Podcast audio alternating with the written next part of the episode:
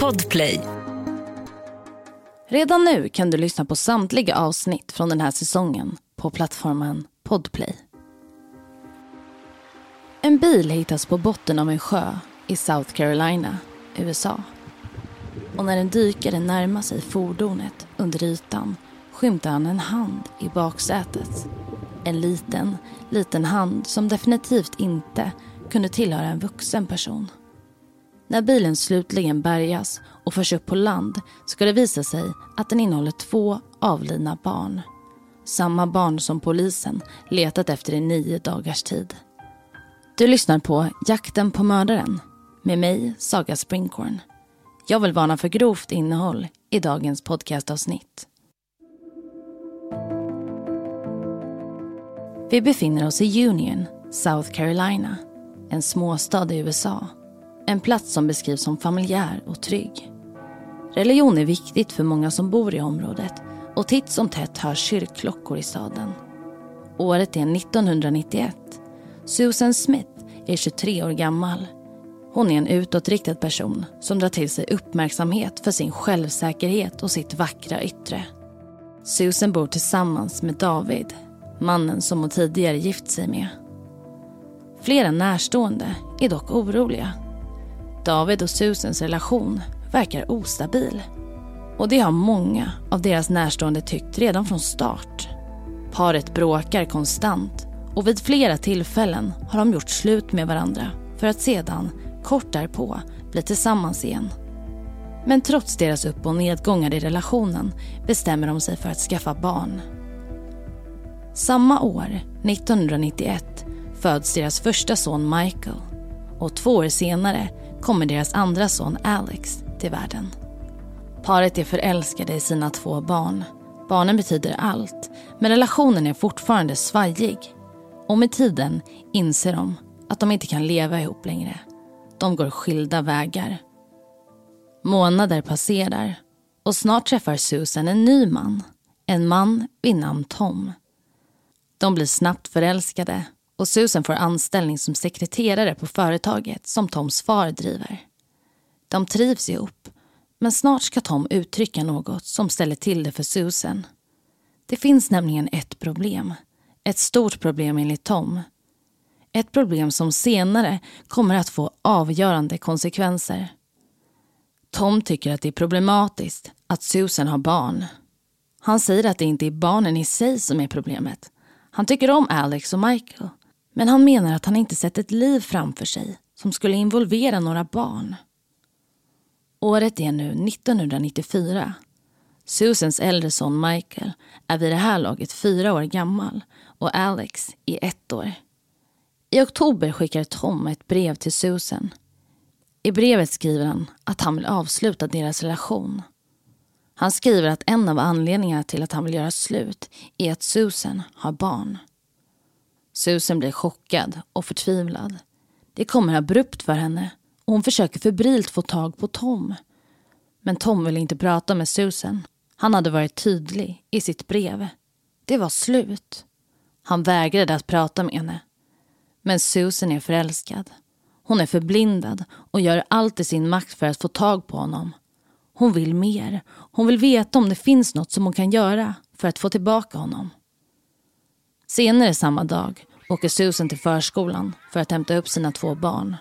Därefter åker hon till Toms arbete. Hon vill prata med honom, men han har inte ändrat sig. Han vill inte prata med Susan.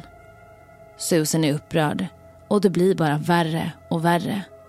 Hon åker hem till sig och lagar pizza till Michael och Alex. Och det ska visa sig att det blir deras sista måltid i livet.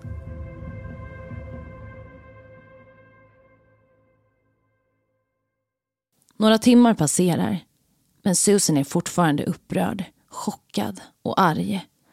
Hon bestämmer sig för att åka runt en stund i kvarteret för att lugna ner sig. Hon knäpper fast Alex och Michael i baksätet. Sen startar de bilen och åker iväg.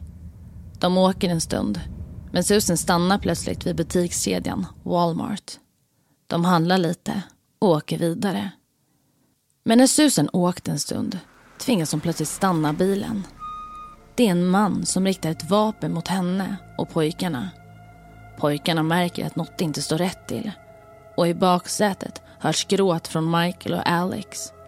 Mannen som stoppat bilen hoppar in och säger åt Susan att köra. Detta samtidigt som han trycker ett vapen mot hennes revben. Susan gör som hon blir tillsagd och följer den väg som mannen säger åt henne att köra. Slutligen ber han henne att svänga in på en lugn gata. Hon stannar bilen och blir sen tillsagd att gå ur. Susan kliver inte ur bilen. Hon tittar på mannen och ber om att få ta med sig sina två pojkar. Men mannen fortsätter att rikta vapnet mot henne. Hon kliver ur. Susan ber återigen om att få ta med sig sina söner, men utan framgång. Mannen är bestämd. Han sätter sig nu bakom ratten och kör iväg. Susan ser hur bilen försvinner innehållandes hennes två söner. Ja, vi stannar upp där och sammanfattar berättelsen lite. Susan och David är alltså mamma och pappa till Alex och Michael. Men äktenskapet var som tidigare nämnt ganska upp och ner vilket gjorde att de senare separerade. Susan träffar ju därefter Tom, en man som hon fattar tycke för. Men när han plötsligt gör slut så vänds Susans värld upp och ner. Och den berättelsen som ni nu får ta del av, den delen då Susan blir stoppad av en man som riktar ett vapen mot henne och pojkarna, det är den berättelsen som Susan berättar för polisen. Mm, så man kan ju fråga sig om den här historien stämmer eller om det är någonting annat som har hänt. Och om du vill se bilder eller ha mer information om det här fallet så kan du gå in på min Instagram där jag heter Saga Springcorn. Där kan du trycka på storybubblan Jakten. Vi går vidare. Snart startar vår stora färgfest med fantastiska erbjudanden för dig som ska måla om. Kom in så förverkligar vi ditt projekt på Nordsjö Idé och Design. Susan är förtvivlad. Hon springer till närmsta hus och ber om att få låna en telefon. Hon ringer därefter till larmcentralen och berättar att en man fört bort hennes två barn. Polisen skyndar sig till platsen och en utredning påbörjas omgående. Man letar efter Susans vinröda bil och den man som fört bort Susans två pojkar. Susan ringer till Alex och Michaels pappa, David och en stund senare möter de upp varandra. Vid den här tidpunkten är det ingen som tvekar på Susans berättelse. Pojkarna var kidnappade och det var ett faktum. Utredarna letar nu efter den där mannen som rövat bort Alex och Michael. Polis och frivilliga letar efter pojkarna. Hela samhället engagerar sig i sökandet. Susan och David talar ut i pressen. Susan beskriver sin kärlek till sina söner och ber om att någon för dem hem igen. Människor världen över blir berörda av det som hänt. I tv-rutan ser människor en förtvivlad mamma som gör allt i sin makt för att få tillbaka sina söner. Vi lyssnar på hur det kunde låta. I can't sleep, I can't eat, I can't do anything but think about them. And uh, I just want to hug them so bad and tell them I love them. Men historien ska snart vändas upp och ner. Polisen förhör Susan och David och det är någonting som inte stämmer. Utredarna reagerar på att Susans beskrivning av mannen som kidnappat hennes barn är så pass detaljerad som den är. Det är suspekt. I många fall är människor som varit utsatta för liknande situationer osäkra på hur gärningsmannen sett ut.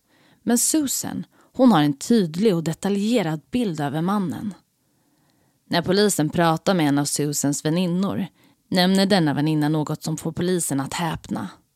Susan ska ha berättat för sin väninna att hon funderat på hur livet skulle sett ut om inte Alex och Michael fanns med i bilden. Det finns nu fler saker som pekar mot att Susan kanske inte talar sanning. Utredarna frågar Susan om hon kan tänka sig att ställa upp på ett lögndetektorstest. Susan går med på att göra testet och testet visar mycket riktigt att Susan ljuger. Hon ljuger om det som har hänt och hon vet något som ingen annan vet. Polisen har nu letat efter pojkarna i flera dagar. Och det står klart för dem att något i Susans berättelse inte stämmer. Men Susan menar att det måste varit fel på testet. Hon hade ju talat sanning. Och nu börjar människor som sett David och Susan i media att ifrågasätta deras historia. Kanske är det David och Susan som ligger bakom barnens försvinnande. David och Susan bestämmer sig för att återigen ställa sig framför journalisternas kameror.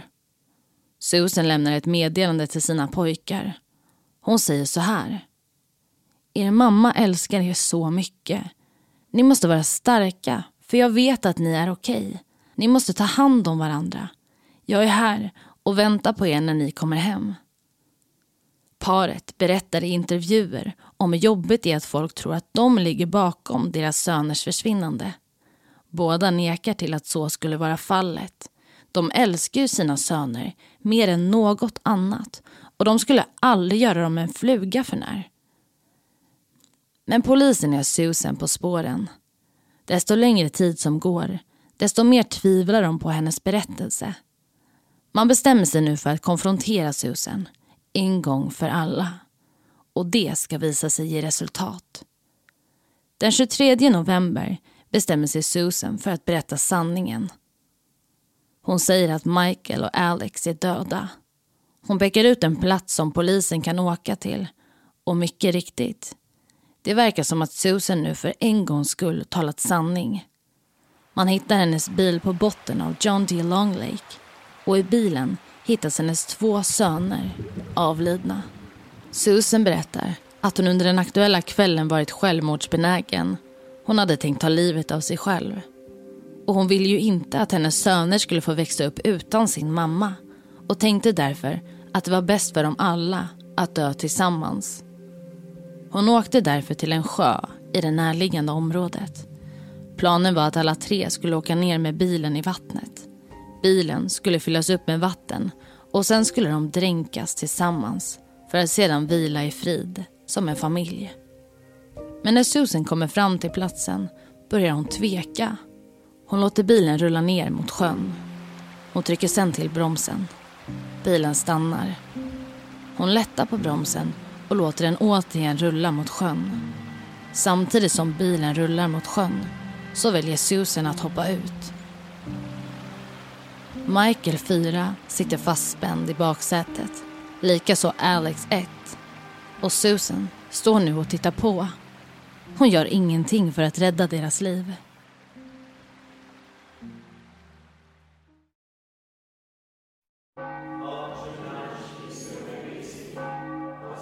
I december 1994 begravs Michael och Alex. Deras små kroppar läggs i samma kista. De skulle begravas tillsammans, precis som de dött. Kyrkan är full med människor och vid sjön samlas folk för att minnas de två pojkarna. År 1995 påbörjas rättegången mot Susan.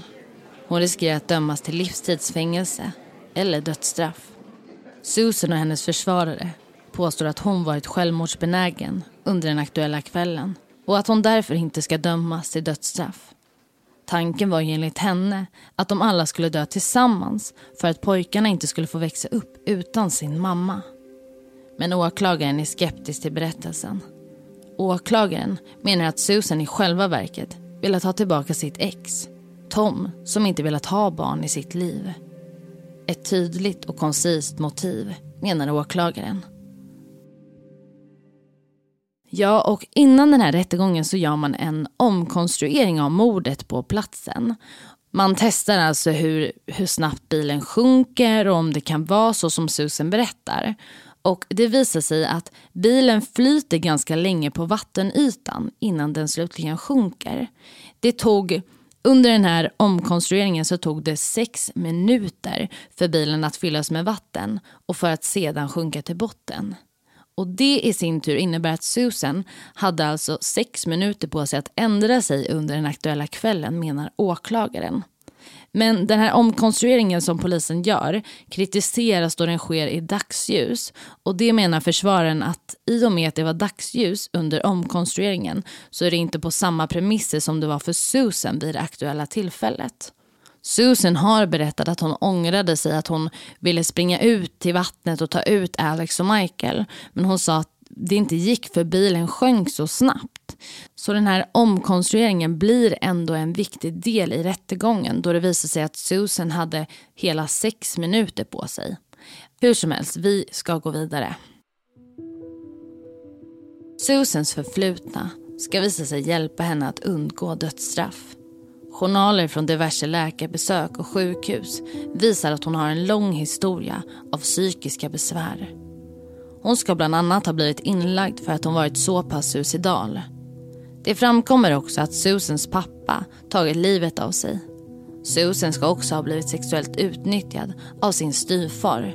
Något som styvfadern förvånansvärt vittnar om i rättssalen. Han säger också att han utnyttjat Susan sexuellt bara några veckor innan hon mördat Michael och Alex. Susan döms för mordet på sina två söner. Hon döms till livstidsfängelse och är berättigad villkorlig frigivning 2024. Idag är hon 50 år och har suttit i fängelset under cirka 27 års tid. 2015 så skriver Susan ett brev till journalisten Harrison Cahill och hon skriver bland annat så här. Jag är inte det monstret som samhället tror. Jag är långt ifrån det. Något gick fel den där kvällen. Jag var inte mig själv. Jag var en bra mamma och älskade mina pojkar. Det fanns inget motiv och det var inte planerat. Och det var allt för dagens avsnitt. Tack för att du har lyssnat. I nästa avsnitt berättar jag om ett mord på Island. Ett land som toppar listorna över världens säkraste länder. Men en kväll så försvinner en ung kvinna och det ska visa sig bli ett svårlöst fall för polisen. Och om du inte orkar vänta till nästa vecka så finns det här avsnittet redan nu publicerat på plattformen Podplay.